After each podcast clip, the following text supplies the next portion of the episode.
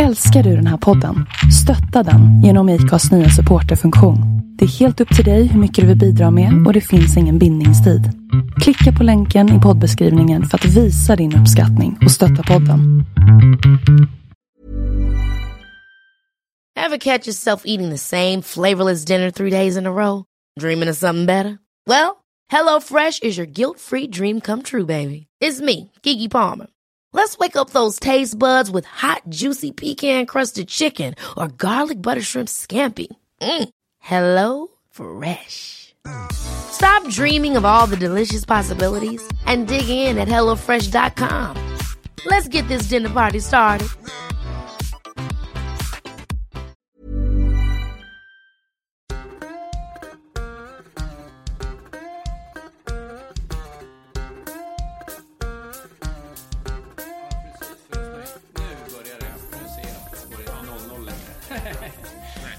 Det, program, det programmet gör det är att den, spelar, den, den skickar ljud över nätet men sen spelar den in en, en högkvalitativ kopia hos dig som den sen laddar upp. Just det. Ja. Men vad bra, då hälsar vi Oskar välkommen till Vi måste prata, eller ska vi kalla dig Farbror Fri? Det gör du som du vill. Oscar lä- låter lite smidigare. Ja, eh, men du, är- du är känd på nätet som, eller så här, vi tar, vi tar historien. Du och din fru ledsnade på det du kallar ekorrhjulet, eller det ni kallar ekorrhjulet. ja, det kan man säga. Vi eh, tyckte att vi skulle kunna leva på ett annat sätt. Eh, och eh, det som har fått lite uppmärksamhet är väl att vi valde att göra det genom att spara ihop en summa pengar som vi tänker att vi ska kunna leva på resten av livet. Ehm, andra gör ju det på andra sätt och kanske startar någon livsstilsföretagande eller något sånt. Och det kanske inte syns på samma sätt, men det här blev ganska uppmärksammat för ett par år sedan. Hur, och då, min naturliga tanke då, hur mycket pengar behöver man då? Ja, det finns ju en sån här tumregel. Väldigt mycket beror på vad man har för personlighet och hur trygg man är med risknivåer och sådär. Men det finns någon slags tumregel som säger att har man ett kapital som är 25 gånger årsutgifterna eh, så ska man kunna leva på det kapitalet med, med rimlig avkastning, kunna leva på det kapitalet resten av livet. Eh, Och det man förstår då är ju att mycket av nyckeln till det här är ju att kunna leva gott på, på lite pengar. Eh, För annars så ska man antingen ha en jättestor... För det första ska man ha en jättestor summa pengar sparat för att den ska räcka. Plus att om man lever upp allting så får man ju aldrig ihop något kapital. Eh, Nej. Så, vad sa du, 4 procent? Du behöver ha 25... Ja, det, eller ja, det blir 4 procent 4 avkastning. procents avkastning. Ja. Och det är vad man historiskt får på... Alltså det är ganska lågrisksparande, är det inte det? Men det är det man har sagt att man tryggt kan ta ut över långa tidsperioder. För man kommer ju också gå igenom perioder när börsen är ner och allt är ner och allting är kris. Och även under de åren behöver man ju kunna ta ut och ha något att leva på. Så det är ju det man tittar på. Man kan liksom inte räkna med att få, vad nu börsen har gett, 7, 8, 9 procent. Det, det går ju bra vissa år, men då får man ju nästan vara utan andra år. Så det här är ju, det här är ju tanken att liksom 30, 40, 50, 60 års perspektiv eh, att det ska fungera. Hur hamnar det här då? Alltså vad, vad börjar det med? Ja, det började nog egentligen med att vi efter ett antal år, vi har utbildat oss som man, som man ska göra. Gått på högskolan och skaffat jobb och sådär. Och att vi nog efter några år när vi fick barn och så började känna att livet, trots att vi hade kommit en bit i karriär och sådär, att vi kände att livet ändå var ganska mycket av, av det som vi har beskrivit som ett ekorrhjul. Det liksom gick i ett. Eh, de yrkena vi hade var ju inte tunga fysiskt, men, men liksom psykiskt så var det ju så att man skulle ju vara tillgänglig på något sätt jämt. Eh, och, och- liksom jobbet tog upp väldigt mycket. Det blev liksom den solen som hela livet fick, fick cirkulera kring. Eh, Men vi trodde nog inte det fanns något alternativ. Man funderar, kan man söka något annat jobb och sådär. Men, men det är ungefär, det är kanske inte lösningen. Man flyttar bara problemet till ett, en ny plats i många fall. Ehm, och sen så för, nu är det tio år sedan, då var vi ehm, i Mexiko när barnen var små och hade lite föräldraledigt och så. Och fick testa på ett annat liv i åtta månader när vi hade mer tid.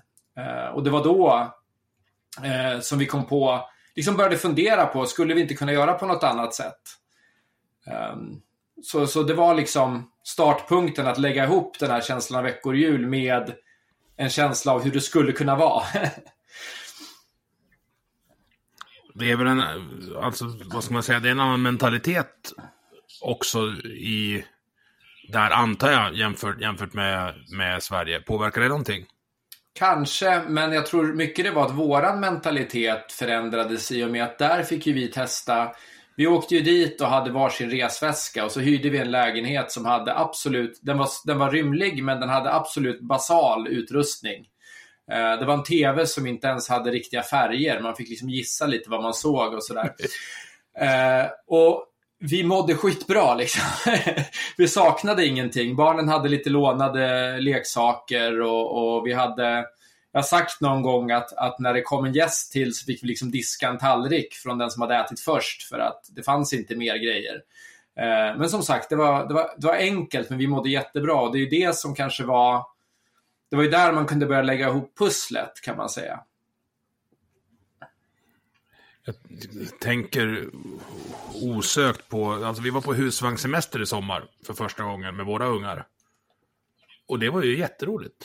Ja, det är ju liksom begränsa sig lite. begränsa och sen fritt från måsten. Eh, sen, sen tror jag också att det kan vara lite skrämmande, alltså om man... Så här, jag provar en psykologisk teori på det. Jag tror att det är väldigt många som identifierar sig med sina jobb. Mm. Alltså, hej, vem är du? Jag heter Emil, jag jobbar som... Och, och så vidare. Eh, så det kanske är lite skrämmande att ta reda på vem man är utanför arbetskostymen. Vad tror du om det? Det, det tror jag absolut. Uh, och jag tror också att vi underskattar, vi har liksom gradvis lärt oss att vi behöver alla de här prylarna och, och ja, vad ska vi säga, lyxen och guldkanten och så för att, för att överleva. Men det är ju nästan antitesen av vad liksom lyx och guldkant och så ska vara. Det är ju liksom det där lilla extra. Det är ju inte det man ska ha. Det, det är ju inte basen. Um, så jag tror det finns... Och, och sen är det, men, men det är ju så att vi presenterar oss ju ofta med vad vi gör. Det är, det är en fördel här på lite mindre orter som i Leksand där man kanske lite oftare, nu är inte jag härifrån, det är min fru som är härifrån, men där man kanske lite oftare presenterar sig med vilken familj man tillhör, vilka man är släkt med mm. och sådär. Öckens pöjk är du då? Precis. Ja. Då finns det åtminstone två identiteter, inte bara, inte bara yrkesidentiteten, vilket jag känner kanske är ännu starkare i en större stad eller så. Ja, och här blir man ju också, jag ska inte säga tvingad, utan man har ju förmånen att umgås liksom tvärsektionellt här, oberoende vad man jobbar med. Ja, och ofta så träffar man, jag märker ju det nu eh, när jag, jag skriver en del här och sådär, att jag, jag träffar samma personer i massa olika sammanhang. Så jag är liksom deras kund en gång, sen ringer jag för att intervjua dem om någonting. Sen träffar jag dem som idrottsföräldrar på kvällen. mm. och då har man ju till och med gentemot, till och med där, alltså man har, man har inte bara flera, man har flera identiteter på en dag.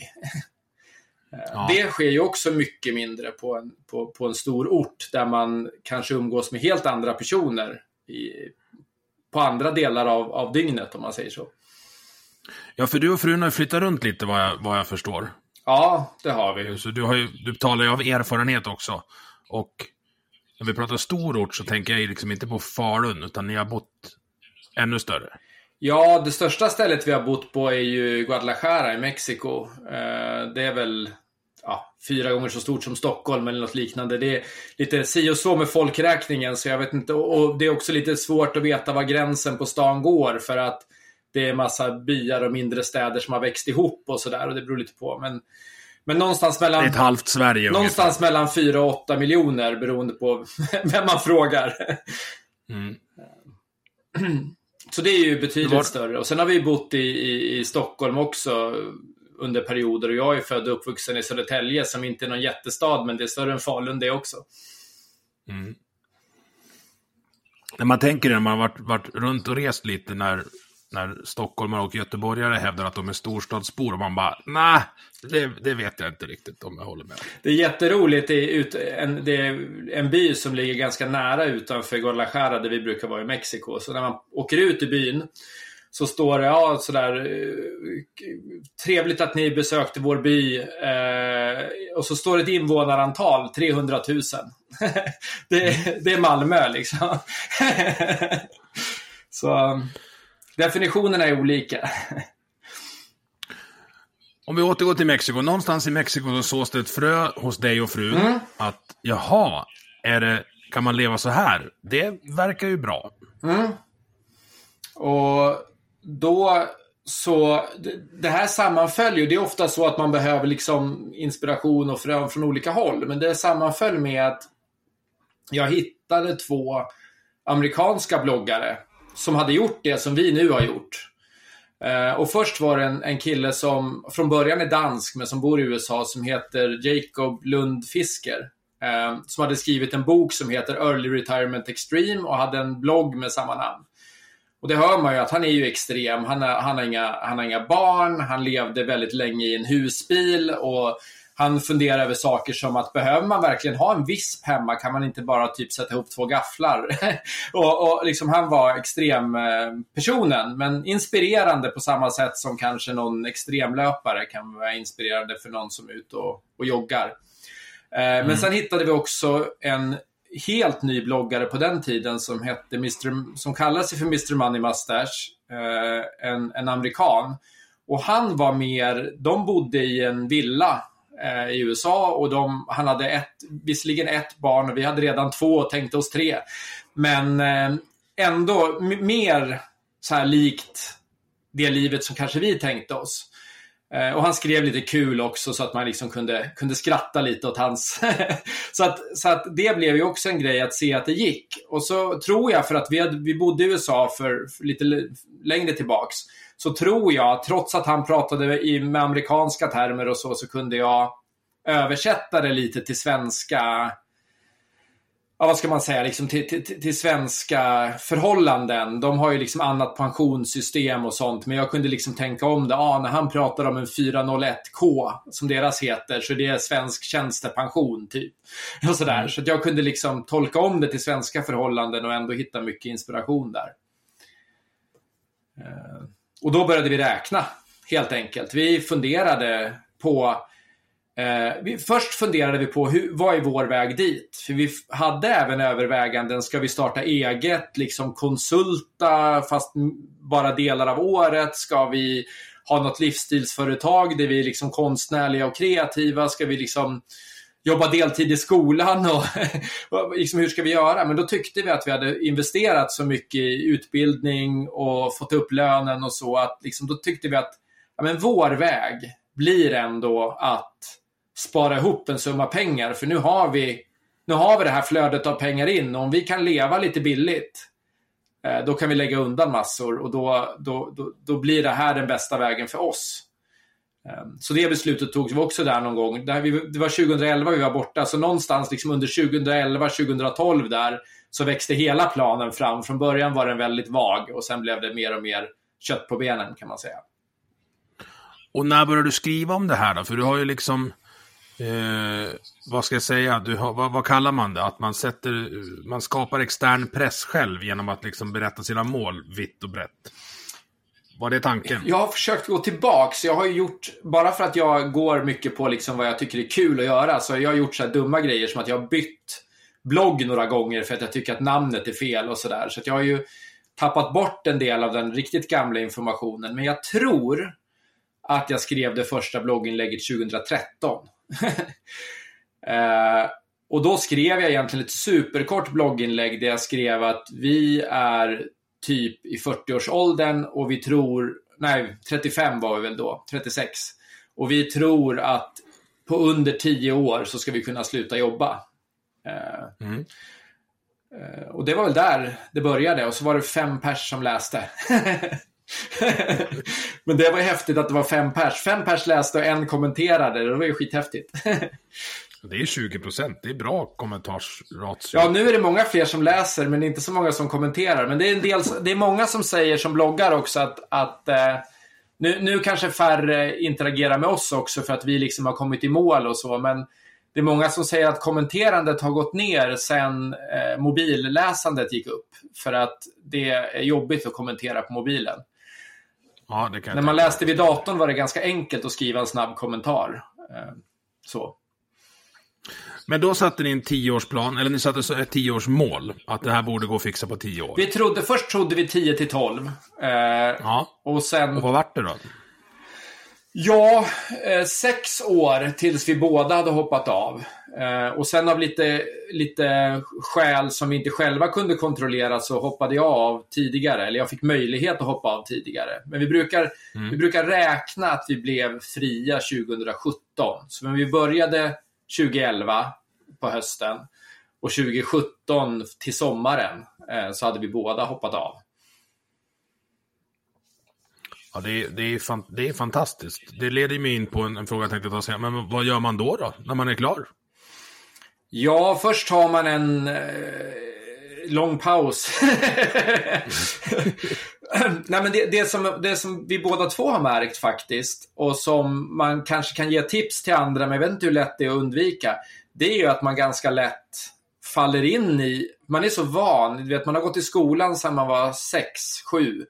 Varje fall på, på försko, förskole sen tidigt och sen så på skolan sen sjuårsåldern. Och man är så himla van vid att ha något slags ekorrhjul och något liksom fast att ta i. Så att det är väldigt lätt att man liksom nästan av någon slags trygghetstörst eller någon sån här gammal vana skapar ett nytt ekorrhjul. Eh, Och jag tror båda två för, först, liksom de första veckorna är man bara så jäkla glad att vara fri. Liksom. det är mer som en semester. Men sen tror jag vi båda två föll in vid olika tillfällen, eftersom jag hoppade av tidigare, men vid olika tillfällen liksom föll in i att nästan skapa ett nytt ekorrhjul. Um, jag började blogga liksom hysteriskt. uh, och började skriva en massa om, om börs och såna här saker som egentligen inte är mitt huvudsakliga intresseområde, men som liksom, ja men det här vill folk läsa, så jag skrev väldigt mycket. Eh, och sen så insåg jag, men det här vill inte jag, det här är ju inte det jag ville hålla på med. Så, att då, då, så, så jag, det har gått lite fram och tillbaks kan jag säga. Det har väl det här att göra med också som du sa med vad, vad eh, man vill eh, Alltså det här med att kunna svara på vad man gör. Eh, Ja, men det, alltså det problemet har ju jag. Jag har ju... Jag har byggt min fri... Mitt, mitt ekorrhjul är lite ovalt, eller vad man ska kalla Mm. det. Jag har byggt, byggt frihet på ett, på ett annat sätt, vilket jag är väldigt nöjd med. Det tog mig 40 år att inse att men det är så här jag ska ha det. Jag är kär i gig, gig eh, jobbgrejen. mm, Eh, Att jag kan hoppa på till, till höger och vänster. Jag har en fru som jobbar lite konstigt. Hon är natt, nattsköterska på lasarettet. Så allting måste liksom anpassas runt hennes jobb. Eh, det låter väl hemskt för dig, men jag tycker det är jätteskönt. För då kan jag jobba med, med... När jag måste vara hemma med ungarna, för hon jobbar natt, då kan jag jobba med mitt eget företag. Och när hon är hemma, då kan jag ut och köra lastbil eh, och dra in, dra in slantar. Det är, och det är frihet för mig just nu. Men jag skulle ju kanske... Alltså när jag läser om dig, eller om er, Ja. och, och boken, så kommer jag på mig själv med att komma på ursäkter för att inte göra det ni har gjort. mm. Förstår du vad jag menar? Absolut, Att jag det är liksom många här, som Nej, men gör det är, klart, det är klart jag ska ha den här motorcykeln. Den behöver ju jag, för att jag mår bra av den. Fast det kanske är lyx. Men jag tror ju, jag tror ju att det handlar mer om att, att, att liksom välja någonting. Eh, vi tror ju att om fler tänkte till, eller jag tror att om fler tänkte till så skulle vi ha typ till exempel, för att ta ett så här typiskt exempel är ju båtar, motorcyklar, eh, sommarstugor och så här. Det skulle nog vara färre som har det. Men de som har det skulle använda det jättemycket. Det skulle finnas färre husvagnar, men de husvagnar som fanns skulle användas till max. För att nu har man så ofta hundra grejer liksom. Som man använder rätt dåligt.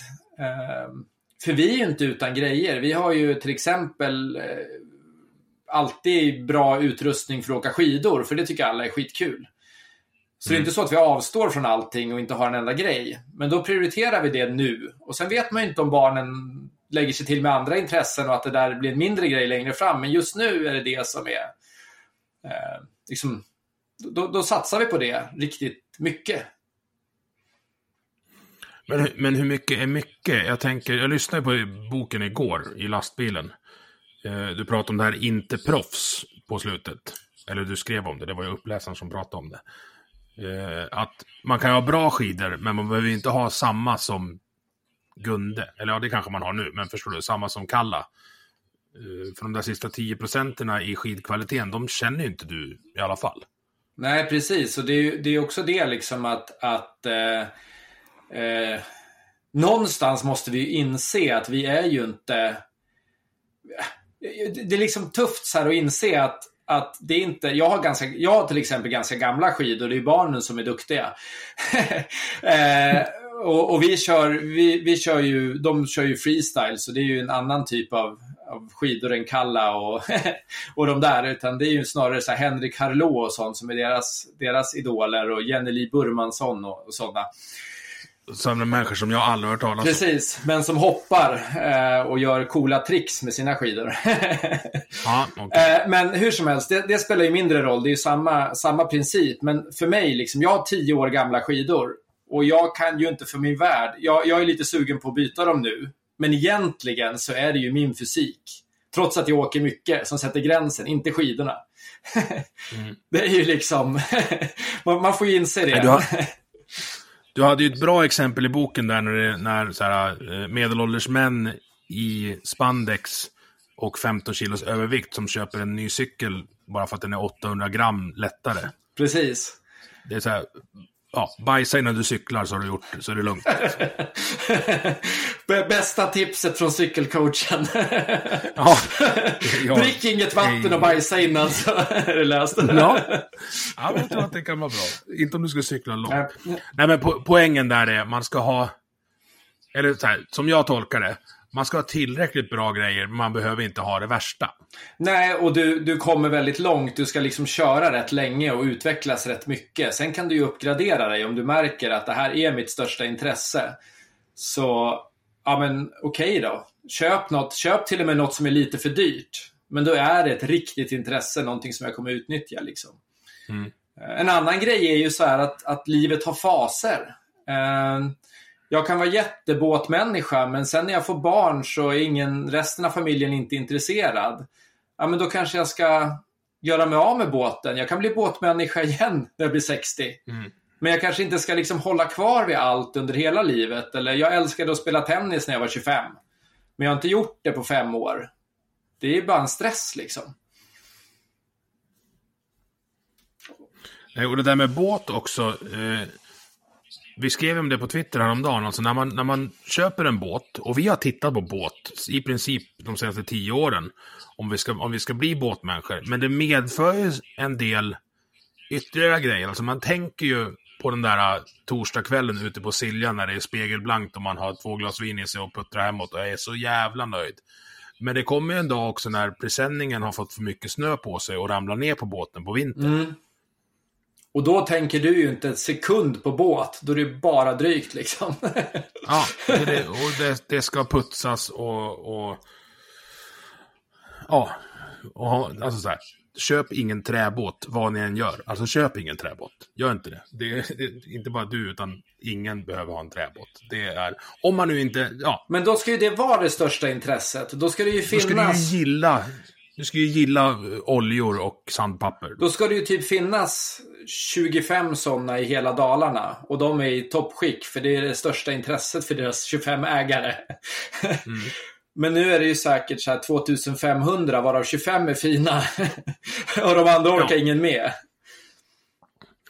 Nej, vi, jag stod i valet och kvalet eh, mellan snöskoter och motorcykel och la då valet på motorcykel för att den är den är bara beroende av ett väder. är du med på vad jag ja. tänker? Alltså ska du köra skoter här så måste det först vara dåligt väder, det vill säga snöa, och sen måste det vara fint väder. Exakt. Medan nyttjandemöjligheten, an antal dagar för motorcykelåkning är så pass många fler än för skoteråkning. Absolut, vi bor lite för långt söderut. Om man bor, om man bor ytterligare 50 mil norrut, då kan skoten Ja. vara var rätt Då- då- val. då kanske- Då kanske den är nödvändig också. Alltså jag, jag har ju... Alltså min analys av er grej är att ni har satt er själv i, i världens största marshmallow-test. Ja, det kan man kanske säga. Jag tror ju alltså, jag tror ju egentligen att det är ju kul liksom att prata om det sättet som vi har gjort eftersom vi har sparat ihop en summa pengar och sen så kan vi liksom på, på skoj kalla oss för pensionärer. Eh, men det som jag tror egentligen hela tiden är nyckeln och det är ju egentligen marshmallow-testet liksom. Att kunna avstå från saker för att man får någonting bättre genom att avstå än genom att, att greppa efter allting. Det är ju liksom, det är ju liksom nyckeln. Att, att kunna, om man kan leva gott på lite, då är det också det här, det är samma sak som det här med gigekonomi. För den som har lagt upp en livsstil där den måste dra in skitmycket pengar, då är ju gigekonomi tillfälliga påhopp eller inhopp och inte veta var man får pengarna ifrån nästa månad. Det är ju världens mardröm. För den, Ja, du måste ha en buffert. för den som har liksom sex, månaders, sex månader på banken och ganska låga basala levnadsomkostnader.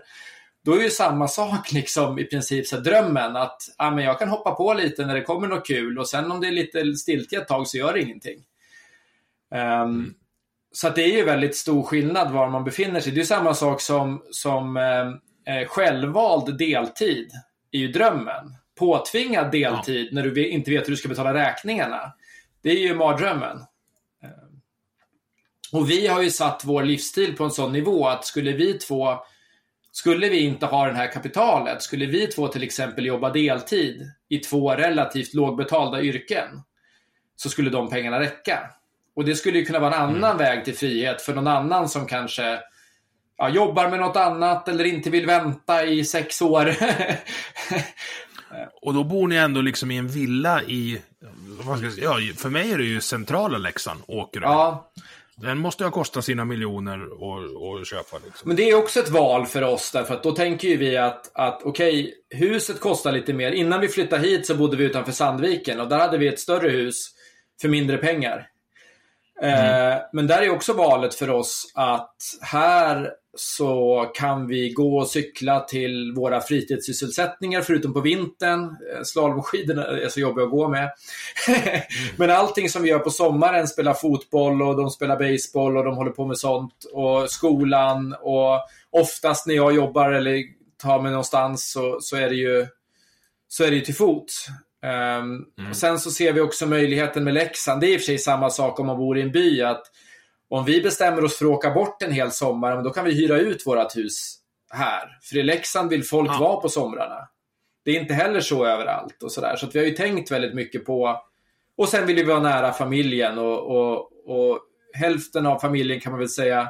En del av familjen bor här och resten av familjen som finns i Sverige bor i Stockholm. Och vi vill inte Stockholm, så då är det Leksand. Ja, och just det ni har gjort där är ju att ni har funderat. Och det, jag tror att det är det folk behöver göra i allmänhet. Jag tror att man bara åker med av gammal, gammal vana mycket. Att man, om jag tänker på boendet nu. Mm. Eh, vi bor ju utanför Leksand, så vi behöver ju två bilar. Mm. Men å andra sidan kostar förmodligen vår kåk en tredjedel av er när vi köpte den. Så vi har, ju, vi har ju väldigt låga boendekostnader men lite, lite högre på transport. Men det är ju ett val vi har gjort, för vi vill bo... Ja men så här, jag vill kunna gå ut naken på gården. Det kanske inte du kan göra hela tiden. Inte om jag vill vara kompis med grannarna. Nej. Och det, men just att man gör ett aktivt val, att man inte bara tänker att... Eh, nej men det, det är nog så här jag ska vara. Absolut. Och sen en annan grej som jag tycker att vi underskattar, det är att vi kanske ska göra vissa saker ordentligt under vissa tider i livet. Allt behöver inte ske exakt just nu och samtidigt. Jag menar, nu har vi barn som går i skolan och vi tycker skolan funkar rätt bra här och de har liksom kommit in och de har bra kompisar och de har bra idrottsaktiviteter och allt sånt där. Vi kanske inte drar iväg liksom till andra sidan jorden och lever nomadliv just nu, för det här funkar rätt bra för oss. Och så tycker vi att det är kul att och, och ta på oss lite uppdrag ibland och arbeta lite. Ja, men då försöker vi göra det mestadels när barnen är i skolan. För då, ja, de ska ju ändå dit liksom. Då kan vi använda den tiden och sådär. Och sen kanske vi vill vara jag menar, vi har funderat på att typ köpa en husbil eller campervan eller vad man ska kalla det och liksom åka runt i Europa och titta, åka från land till land. Eh, men kanske inte med barn. kanske när vi Nej. är 60. när de in, inte har tid med oss och går på någon skola eller börjar jobba eller vad de nu gör. Nej, alltså jag har en gäst, jag ska inte namedroppa här nu, men jag har en gäst som, som har uh, pratat mycket om just det här med planering. Det fick, det fick mig att haja till. Så jag och Therese, alltså min, min fru, har satt oss ner och gjort en, alltså en 20-årsplan. Mm. Eller kanske inte en plan, utan snarare så här, önskat läge när vi är 55. Hur vill vi ha det då? Och för det är vårt nästa, vad ska jag säga, det, det är då vi tror att, att våra barn flyger ut. Mm. Och så konstaterar man så ja men då är förmodligen den här, den här huset är för stort för att bo bara två i. Ja, då ska vi flytta någonstans. Och då, alltså det här med, med husbil som du pratar om, det har vi ju pratat om. Sen är ju mitt mål då naturligtvis att få Therese att ta motorcykelkörkort också, så jag har varsin Harley Davidson istället. så kör inte av vägen nu om du lyssnar älskling, men det, det, är, dit, det är dit vi ska.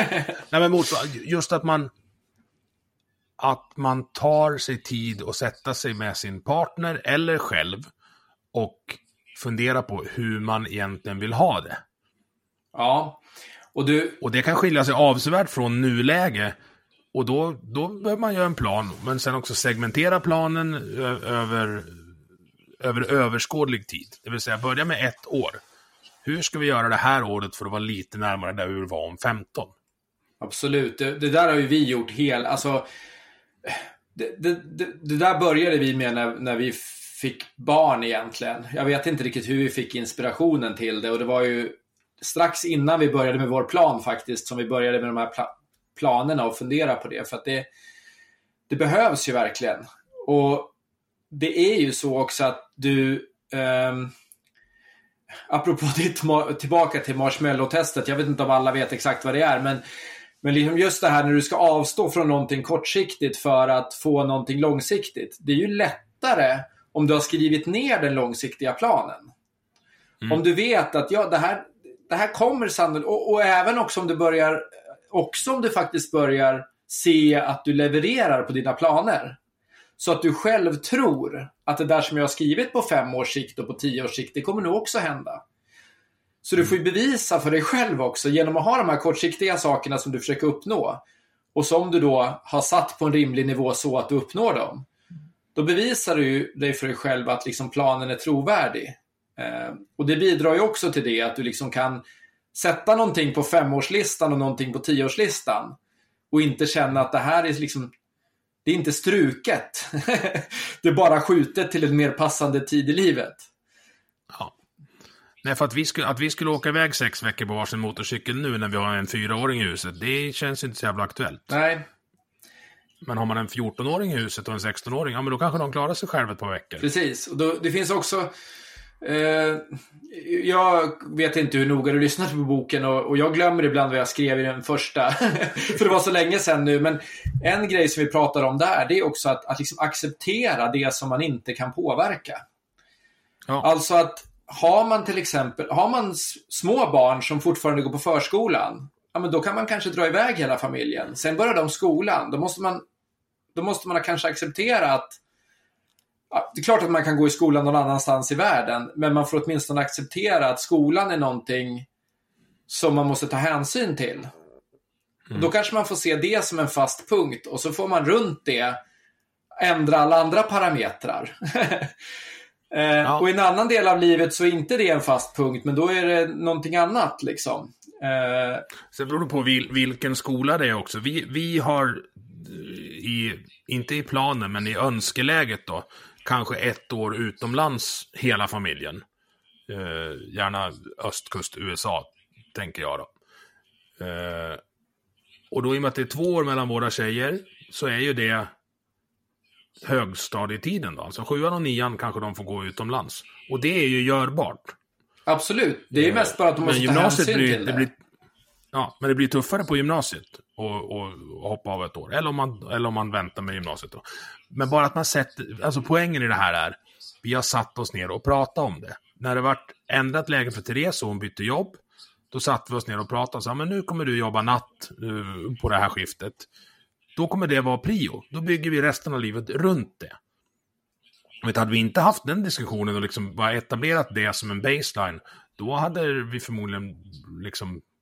Det hade varit jobbigare att hantera det då. Men den, vi ruckar inte på hennes, hennes jobbschema. Precis, det är ju det man måste... Det är till och med så att spelschemat får anpassa sig. Nu, är så här, jag har ingenting att säga till om spelschemat, men är det så att Therese jobbar, då kan inte jag gå på hockey. Det går inte. det... Och det är en uppoffring, kan jag säga. Det är en stor grej. Men det där, det ja. där saknas ju i många familjer. Jag upplever också att man, alltså, jag upplever att de flesta säger att de inte har um, tid att sätta sig ner och planera. Men jag skulle vilja vända på det och säga att du har inte tid och ork att inte planera. För då mm. får du göra så mycket brandkårsutryckningar och så mycket prioriteringar i stunden.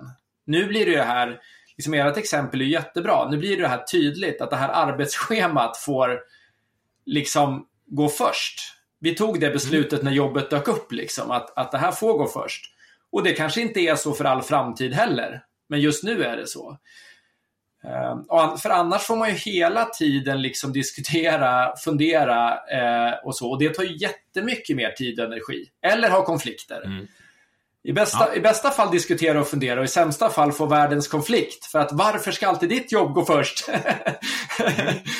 Nej, men en plan lär man göra, det fick man lära sig i lumpen. Alltså en plan gör du när du är trygg, torr och mätt. Då, då börjar du planera.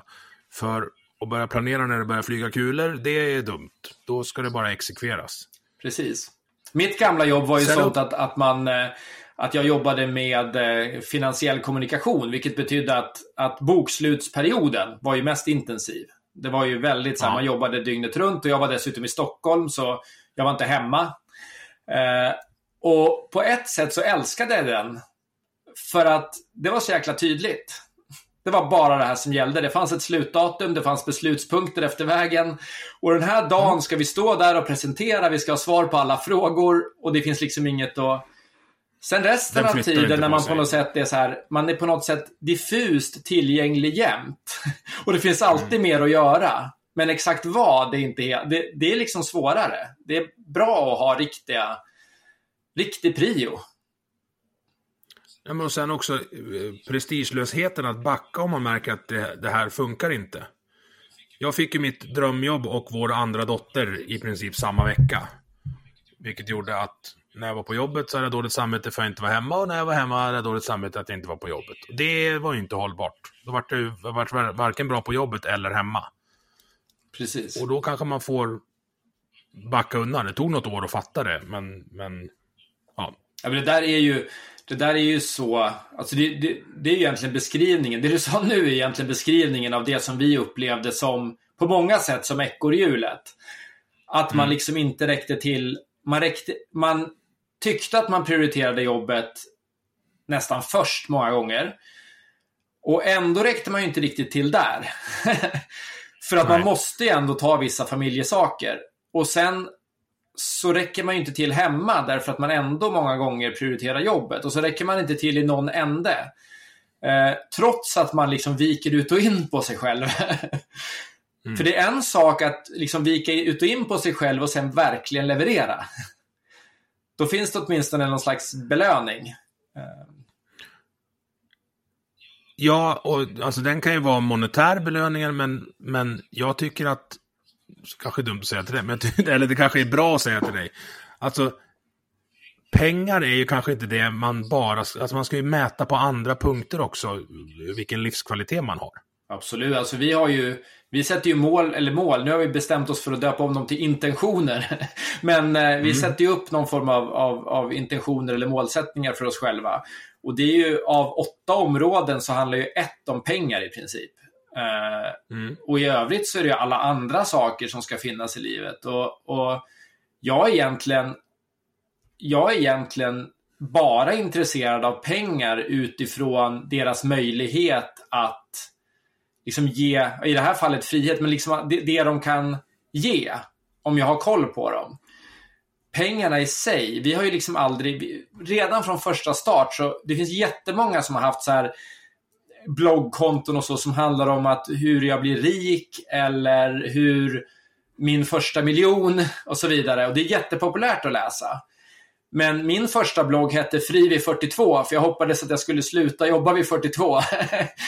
Eh, mm. och, så det har alltid varit frihet. Och nu kallar jag mig för farbror fri. Eh, men alltså, så att jag tror att pengarna är en svag drivkraft för de som inte är intresserade. Och för de som är intresserade så kan det vara en dålig drivkraft därför att man kan alltid skaffa mer. Liksom. Då tar det aldrig slut.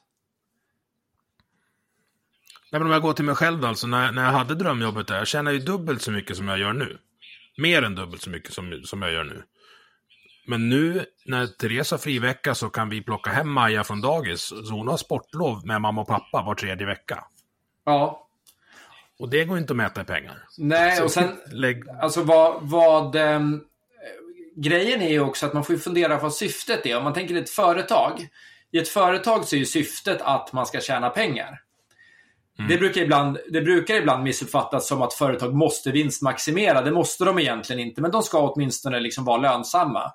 Du får inte ens driva företag för Skattemyndigheten efter ett tag om du aldrig tjänar pengar. Ehm, så att det är ju liksom syftet där. Om du tittar på liksom kommunal och statlig och, och allmän verksamhet, då är det ofta så att du får en, en, eller kanske en stiftelse, då har du en påse pengar och så ska du leverera så mycket service som möjligt. Ehm, man kan ifrågasätta hur duktiga de är på det ibland, men det är åtminstone syftet. Men för en familj eller för en individ, då är ju syftet på något sätt att leva ett jäkligt gott liv. Eh, men ibland går vi vilse och tror att det är att ha den högsta lönen. och det, ibland kan ju det sammanfalla. Ibland kan det ju vara så att det är liksom drömjobbet och det är skitbra betalt och det är fria arbetstider och du vet så. Men för väldigt många är det ju inte så att när du tjänar bra så ska du också liksom offra väldigt mycket annat. Eh, och om det inte levererar den bästa livskvaliteten, då har du liksom missat syftet. Det är som ett olönsamt bolag. ja. Nej, men det, det där ska man nog sätta sig ner också att diskutera i familjen. Kanske om man har äldre barn, prata med dem också. Men jag tänker att om vår familj ska vara ett företag, så vår produkt är att vi ska få ut så eh, starka, självgående, självkänslafyllda och glada 20-åringar som möjligt av våra ungar. Sen är vi klar med dem. Liksom. Precis. Alltså man vill ju, alltså det tänker jag också, att jag vill ju att de ska bli fria individer liksom. Att de, de ska inte på något sätt vara beroende av oss när de blir vuxna. Men däremot så ska vi ha tid för dem när de är barn. Jag menar redan för oss, nu när våra yngsta är åtta, så börjar det ju förändras. Nu går de i skolan allihopa och eh, mer och mer kan de liksom göra saker. Oavsett om de är här hemma och leker med en kompis eller om de är i skid, vid skidbacken. Så mer och mer klarar de sig själva. Mm. Så nu är vi i något slags mellanläge där de är beroende av att vi är hemma varje kväll. Men vi kan vara borta några timmar ibland utan att det händer något. Liksom. Så ja, det är faser. Det kan ju också säkert vara jobbigt. Nu är, är jag... Vår äldsta är i skolan nu. Men alltså... Det kanske kan vara jobbigt för folk också. Eller det kommer kanske vara jobbigt för mig också. När man ja, men vänta, nu behöver inte de mig lika mycket. Vad ska jag göra då? Precis. Och en, en hemsk sak som händer, som jag tror hände kanske i så här, det som vi hade blivit om vi hade fortsatt att och, och jobba på med våra jobb. Det är ju någon slags medelklass eller övre medelklass med väldigt gott om pengar och sådär. Det är ju att, att jag kan också tycka att det finns något negativt i att barnen lär sig att någon slags väldigt, väldigt hög levnadsstandard är liksom minimum. För hur svårt är det att bli självständig då? hur högt sätter man ribban för någon som liksom ska ha uppvärmd utomhuspool och, eh, och, och, och, liksom eh, någon som kommer och städar hemma och, och vad det nu är. Liksom. Jag är inte i, i sig emot hushållsnära tjänster så på någon slags ideologisk nivå, men jag tänker bara liksom att generellt, liksom, någon som har all lyx, eh, alltid den senaste bilen och sådär. Hur lätt är det att frigöra sig då från mamma och pappa? Nej, det blir, det blir ju ett, ett uppvaknande. Eh, Där hade vi en fördel, i, om vi ska kalla vår generation. Du är lite äldre än mig, men i varje fall för mig, jag vart ju fem år äldre på ett år i lumpen. Ja. Nu är den ju återinförd, men det är väl inte kanske så många som, eh, Nej, som får göra lumpen ändå. men jag tror att samhällsekonomiskt så var det en ganska bra, bra grej, i varje fall för oss dampungar som liksom sov oss genom gymnasiet, att komma ut i skogen och få lära sig vad ansvar är på riktigt. Ja, ja, jag, jag testade ett halvårs jobb på lager. Och sen ett år i lumpen. Eh, och sen insåg jag att jag ville studera en stund. Innan var jag inte alls sugen. Nej men så är det, och folk är, folk är ju olika. Alltså det är, jag har det... Alltså, jag har aldrig mått så bra som jag mår nu. Just på grund av att det tog 40 år att fatta hur jag, hur jag vill jobba. Eller i varje fall, hur jag vill jobba just nu. Alltså nu har jag ju tid att sitta här klockan 20 över ett på en torsdag och spela in podd. För att jag har gjort, byggt livet på det sättet. Och meningen är väl att den här podden kanske ska dra in lite slantar någon gång framöver. Det, kommer, det tar ju tid att, att hamna där. Så ni som inte är Patreons, blir det nu, så kanske det blir fler, fler avsnitt framöver. Ja, men det är lite som, som en blogg. Jag tror att det är svårt. Jag, jag, under några år så tjänade jag ju lite pengar på min blogg för att jag var på en plattform som, som betalade för det. Och det var liksom lyxigt på sitt sätt, men, men man kan ju inte börja såna här saker, tycker inte jag i varje fall, med att jag ska tjäna pengar från dag ett. Och det är också en Nej, lyx nej, att det kunna bara göra det så. Göra det helt på liksom göra det helt på intresse. Och visar det sig att det finns en massa andra folk som är jätteintresserade också, eh, då kanske det blir något. Eh, men det är ju härligt att kunna göra så. Men sen, det jag tänkte på egentligen, det var inte så mycket det där med pengarna, utan jag tänkte också på det här med att, att li, om, om man tar tag i livet, då är ju varje år en möjlighet att liksom må bättre och vara på en bättre plats. Jag menar, man blir äldre och man får lite, man blir kanske skröplig och så, men man kan ju fortfarande liksom inom sig må bättre och bättre med, med åren. Men det är också en möjlighet att gräva, liksom gräva gropen djupare. Om man inte tar några medvetna beslut och gör några förändringar. um, så kan man ju för varje år, så, så kanske man inte är där när man är 40, där du är nu. Utan man har fortsatt att gräva från det som var rätt uselt när man var 25. och bara skottat och skottat och skottat tills man inte ens ser liksom, tills, tills eh, brunnshålet faller in. Det där, nu vet jag inte vem jag citerar, men det var, jag har läst någonstans att det där handlar mycket om just det här med att sätta målet. För när du har satt ett mål, då kan du i princip varje beslut, varje enskilt beslut du tar efter att målet är satt kommer ta dig närmare eller längre bort från det målet. Absolut. Och då har du den här planen som är som, alltså det, planen är ju en rak linje. Men som sagt, när det börjar flyga kulor, då, då finns det ingen rak linje. Men har du inte den raka linjen så vet du liksom inte vart du ska navigera tillbaks. Nej, precis. Och det, Ingen kommer kunna följa sin, det går, det, går inte, det går inte att göra en punktlista på 10 eller på 12 punkter vad man ska göra varje månad.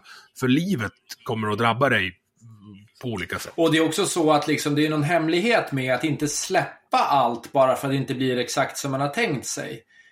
Det Precis. finns ju liksom en tendens att du bestämmer dig för att du ska spara lite pengar. Och så månad tre så behöver du reparera bilen för 15 000 kronor. Och då går hälften av peng- liksom alla pengar du har sparat och lite till, eller kanske hälften, det, beror, det spelar egentligen inte roll hur mycket av dina pengar som går åt. Men då går helt plötsligt pengar åt. Och att du då tänker att "Nej, det var helt meningslöst att spara pengar, för det skit händer ändå. Men det är ju fel av två skäl. Det ena är ju, det är mycket bättre att du har sparat pengar när bilen går sönder. för då hamnar du åtminstone inte i ett hål. Då har du åtminstone pengar att använda. Men det andra är ju också att, ja okej, saker händer. Men, ja, men då får jag fortsätta. Nästa månad tar jag tag i det igen.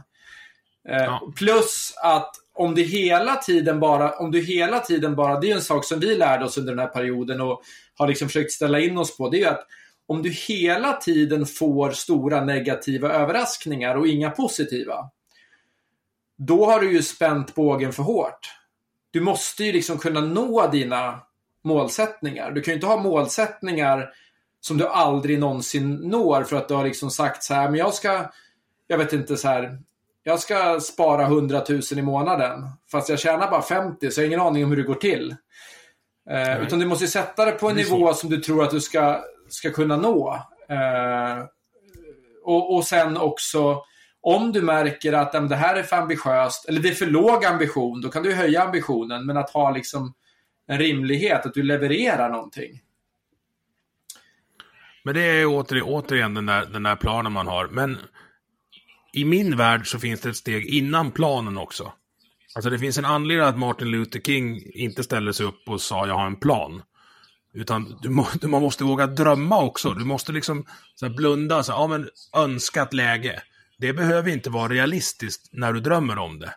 Däremot måste planen vara realistisk för att ta dig dit. Förstår du vad jag menar? Absolut. Vi brukar kalla, vi, vi har ju sagt det några gånger att, att vi brukar kalla det för att man ska drömma lagom. att mm. Det som saknas ofta är den där länken emellan det lilla, lilla man gör i vardagen och den där drömmen som liksom bara stannar på drömstadiet. Eh, mm. Där du liksom inte realistiskt har tänkt heller vad är möjligt att genomföra utan det blir någon slags sån här eh, jag ska ha en tropisk paradisö och fyra helikoptrar. eh, och inte ens en plan på hur jag ska nå dit. Ehm, det blir liksom... Det, det, det, finns ingen koppling mellan drömmen, men, men det är ju så härligt när du har någonting som faktiskt kan vara ganska fantastiskt. Kanske inte, kanske inte riktigt på den nivån, för det är inte realistiskt för de flesta. Men någonting. Jag ska spendera, när jag är 55 ska jag åka runt i Europa i en husbil. så många år som jag tycker det är kul. Um, det är liksom en så här härlig grej att tänka på. Men det är också helt klart praktiskt genomförbart. Ja, alltså jag tänker, jag kommer använda oss som, som exempel här. Vi bor ju i en, i en villa som är någonstans mellan två, värderat till någonstans mellan två och tre miljoner. Skulle vi sälja den om 15 år, beroende på var den är nu, och sen köpa oss motsvarigheten till en sommarstuga, alltså förstår du, en övernattningsstuga någonstans, men ändå året runt. Då har ju vi nästan de där 25 gånger årskostnaden på ett konto någonstans. Mm. Nu kanske du kommer ta mig i örat, för du avslutade boken med att, att prata om vad som är sparande, investering och kostnad när det gäller hus. Vi kan väl ta det, det exemplet, för det, tyckte, det lärde jag mig mycket av. Ja, nu jag höll på att säga, det var så länge sedan jag skrev den, så jag hoppas att jag kommer ihåg vad jag har skrivit. Men eh, det jag pratar om är ju egentligen att när du, när du gör ren lyxrenovering, som många kallar för investeringar, så är det så att oftast höjer inte det, det höjer ju värdet på huset mindre än vad du lägger in. Alltså... Vad definierar du som lyxrenovering? Ja, men säg till exempel att du har ett, ett tio år gammalt kök. Som är, det har jag. är fullt, det är nog 20 till och med. fullt funktionsdugligt. Det är inga fel på det. Men du, du byter ut det för att det är fult. Typ. Mm. Och, och, så får du lite moderna saker och så. Då kanske du lägger ett par hundratusen på det. Men värdet på huset höjs med 50. Ja. För att... Eh, och då, är det en, då, blir det, då kvalificerar du det som kostnad? Ja, då, då är det åtminstone den största delen en kostnad. Sen har du en annan del och det är när du gör nödvändiga... Eh, när, när du gör nödvändiga... Håller, håller efter huset. Och, och gör lite mm. uppdateringar som krävs. Säg att du har ett 45 år gammalt kök som inte funkar längre. Och så byter du ut det ja men då kanske du höjer, om, om du gör det på ett smart sätt och inte lägger för mycket överpengar och liksom väljer de dyraste materialen och de dyraste hantverkarna. Så kanske du genom att lägga ner 200 000 eller 150 000 på det där köket kanske du höjer värdet med lika mycket. Och då är det någon form av sparande. Samma sak med egentligen när du amorterar på lånet. Och sen den sista kategorin, det är om du verkligen höjer värdet på huset. Om du till exempel köper ett gammalt hus som har ett värdelöst tak.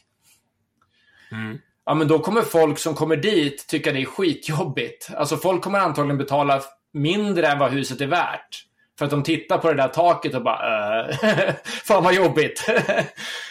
Så då kan det ju faktiskt vara då kan det ju faktiskt vara en investering. En an, men men, men den, mest, den mest tydliga investeringen är ju egentligen om du gör till exempel ett uthyrningsrum. Ja, men då börjar du få ett kassaflöde. Eller om du byter ut värmesystemet och betalar hälften så mycket elräkning. Ja, men då gör du en riktig investering, för då har du ju antingen mindre pengar ut eller, eller pengar in från ditt boende. Ja. Och då är det ju på riktigt en investering. Så det är ju liksom en, en gradskillnad och det är svårt att dra en exakt gräns.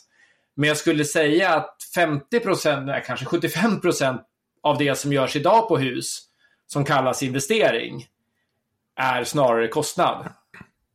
Och sen så kan man ju välja att ta en kostnad. Men man kanske ska kalla en spade för en spade.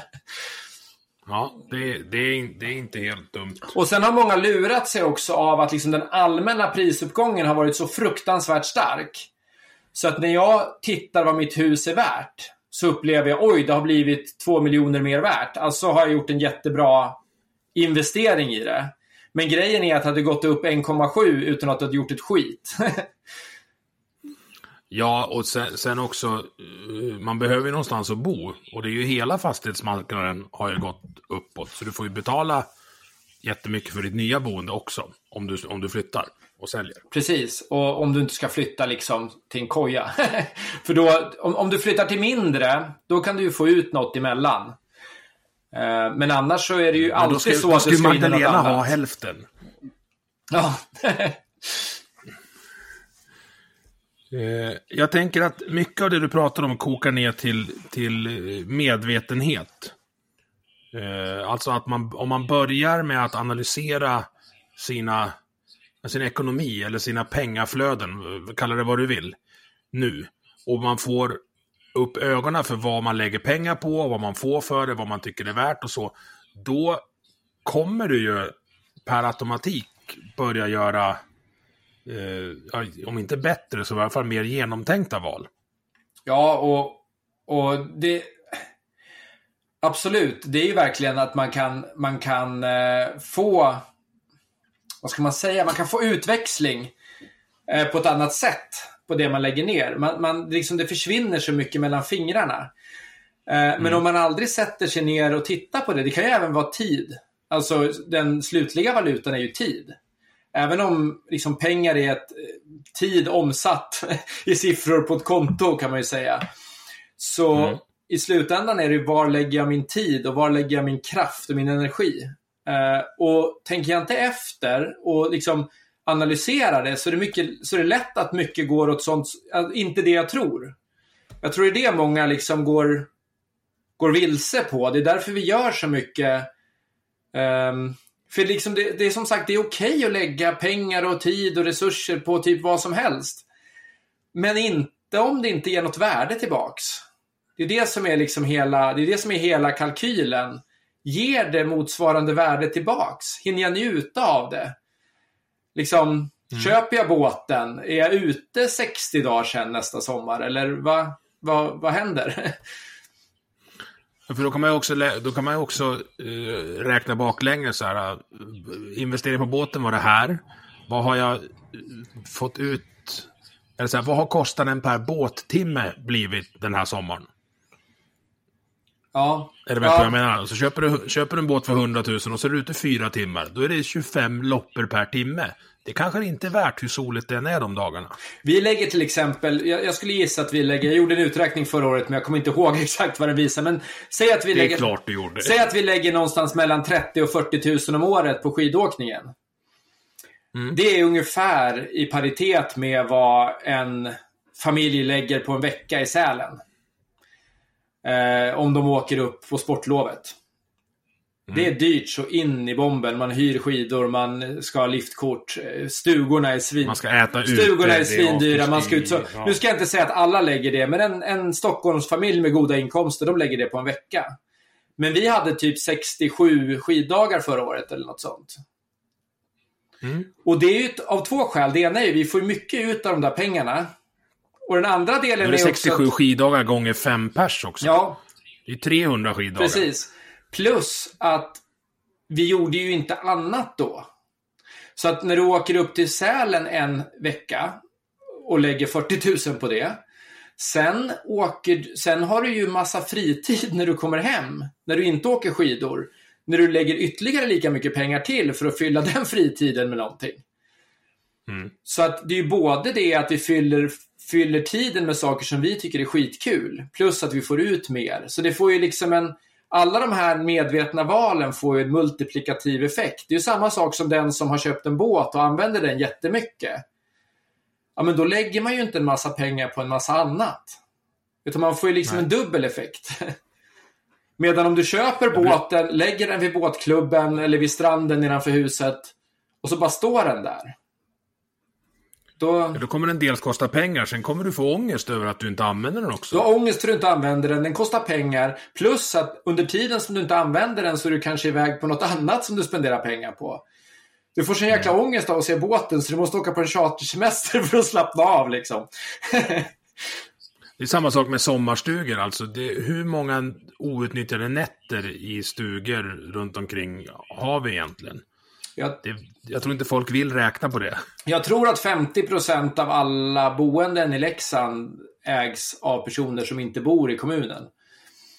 Mm. Och några stycken av dem är ju här hur mycket som helst. Men det är många också som kanske använder en vecka eller två. Men det är intressant det du säger, att det handlar egentligen inte om vad saker kostar i inköp, utan hur mycket man nyttjar dem. Det har jag nog inte tänkt på så mycket förut. Nej, det är ju, och, och som sagt, du får, den här, du får väldigt ofta den här multiplikativa effekten när du gör saker ordentligt. Och sen blir du bättre. Det är ju inte så...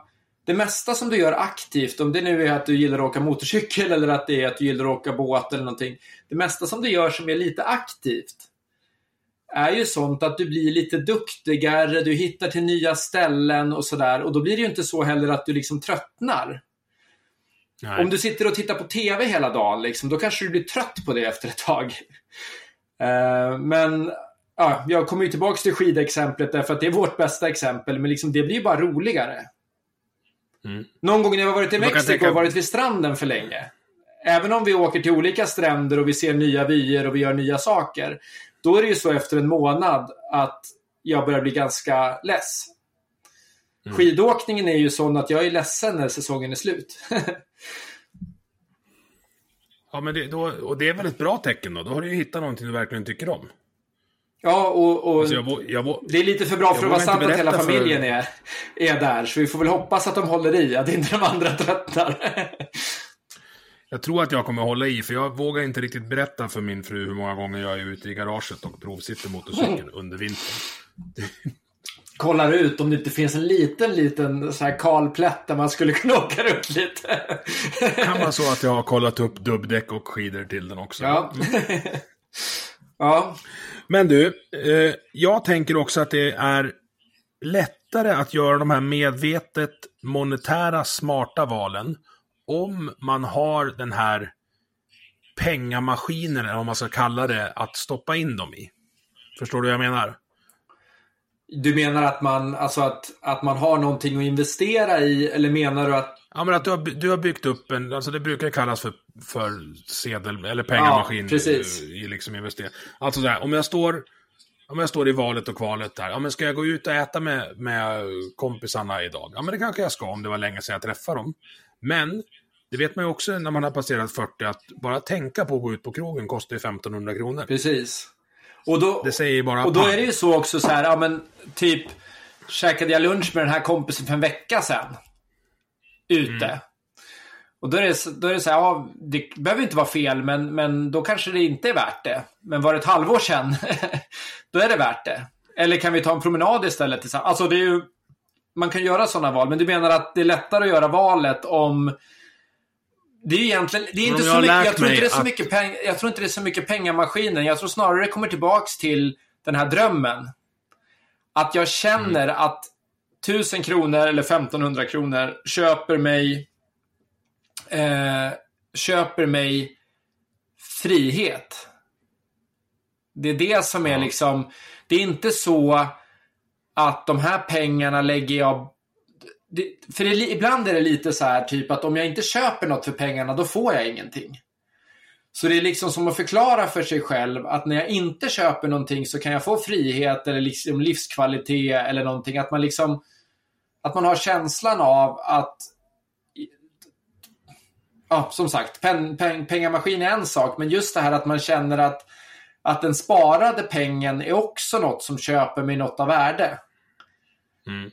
Um, för ibland kan det ju vara så att jag till exempel vi har ju liksom beskrivit i vår nya bok Lev lokalt, jag vet inte om du har hunnit lyssna på den. den men Nej, inte än. Den är lite, liksom näst, lite nästa steg, men där pratar vi lite grann om att, att eh, eh, hur, hur man kan tänka med det, liksom, hur man liksom också kan, man kan liksom hoppa av på, eller vi pratar om det i den första också, men vi går lite längre där, liksom att man kan ju egentligen hoppa av på olika sätt. Det kan ju vara så att jag istället tänker att jag vill ta ett sabbatsår om ett år. Och jag vill spara ihop den summan pengar som krävs för att ta det sabbatsåret. Men den motivationen är också tillräckligt stor. Då lägger jag inte in dem i någon penning, pengamaskin, utan då handlar det om att om jag, en frihetsmaskin. Om, ja, en frihetsmaskin. Jag, jag, jag sparar ihop det här året för att kunna ta nästa år fritt och åka iväg och göra någonting. Eh, vad det nu kan vara. Eh, lära mig något nytt, se ett nytt land, vad det nu kan vara jag vill göra. Eh, då är det ändå liksom att jag känner att jag får någonting för det.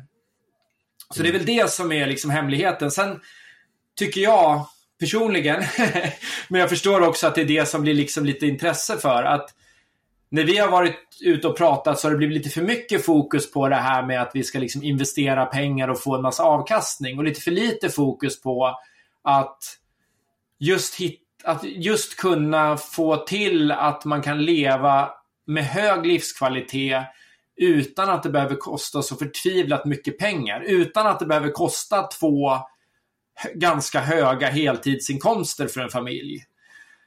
Utan att man faktiskt kan leva ganska gott på mindre. Och när man kan leva gott på mindre så öppnas det upp liksom, då öppnas det helt plötsligt upp hundra möjligheter. Men så länge man gör av med hela inkomsten, då finns det bara en möjlighet och det är att gå upp och gå till jobbet varenda dag tills man blir för gammal för att göra det, typ.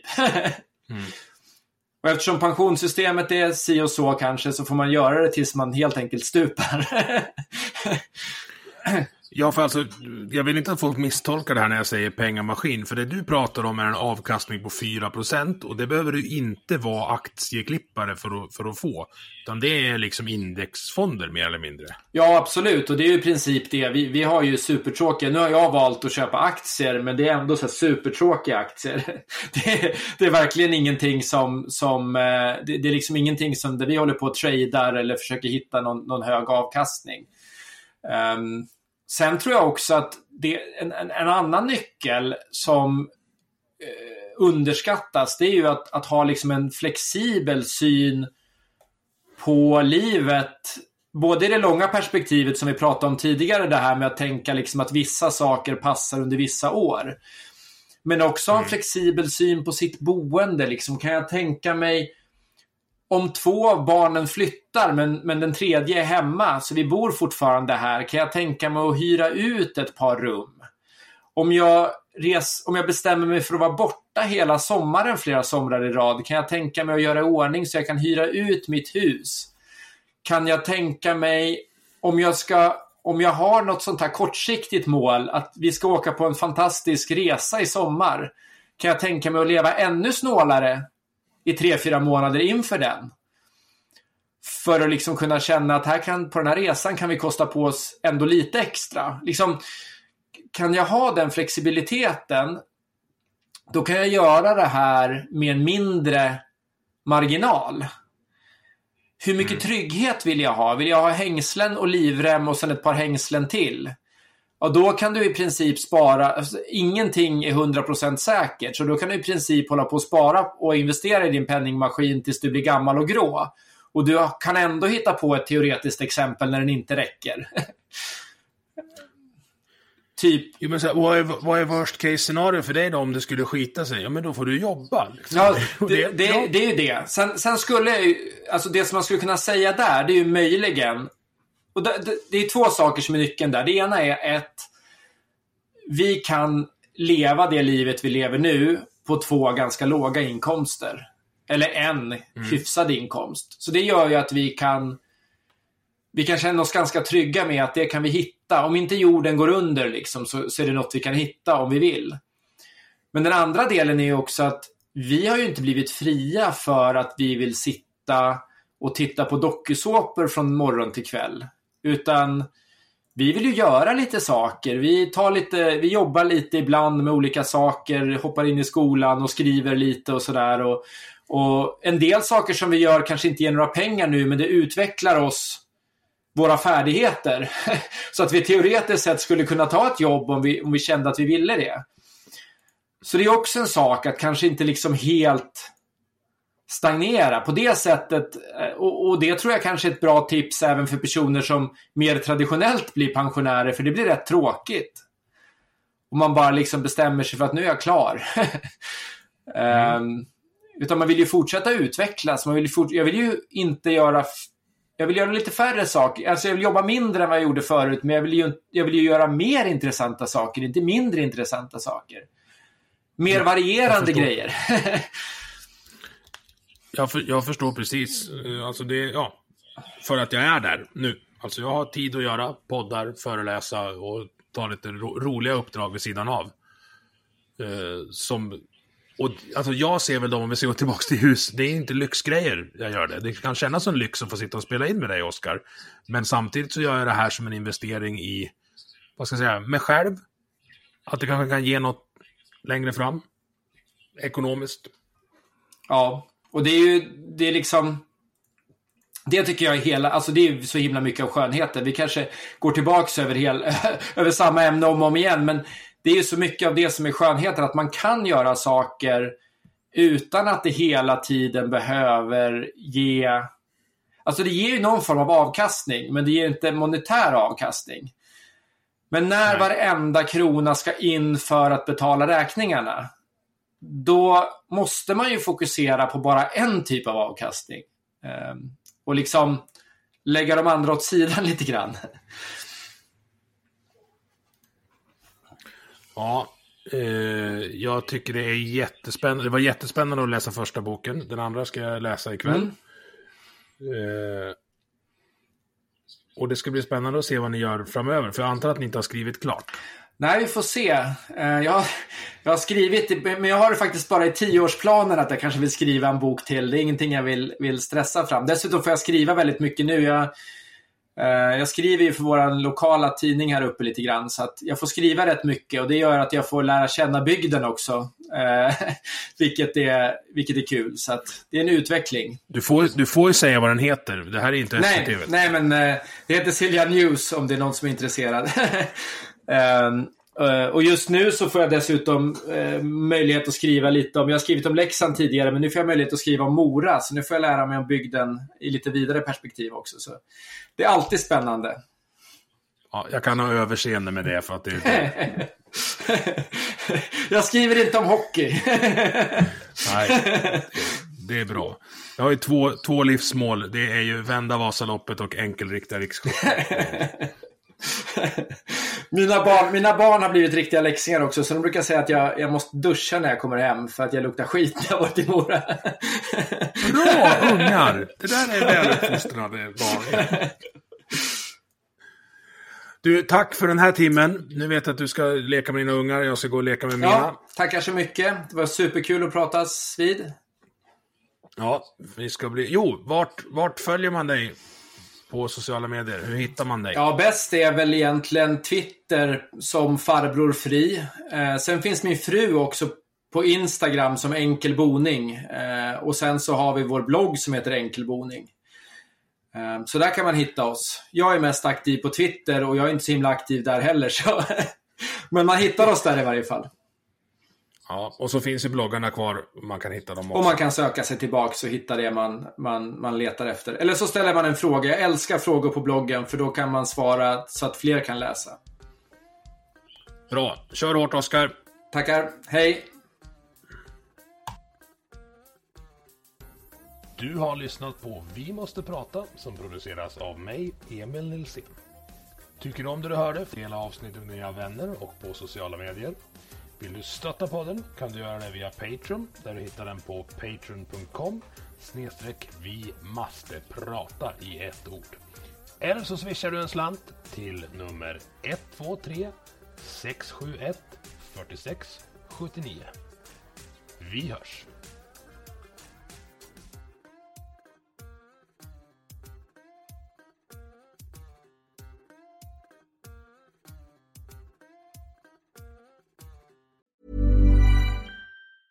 Ever catch yourself eating the same flavorless dinner three days in a row?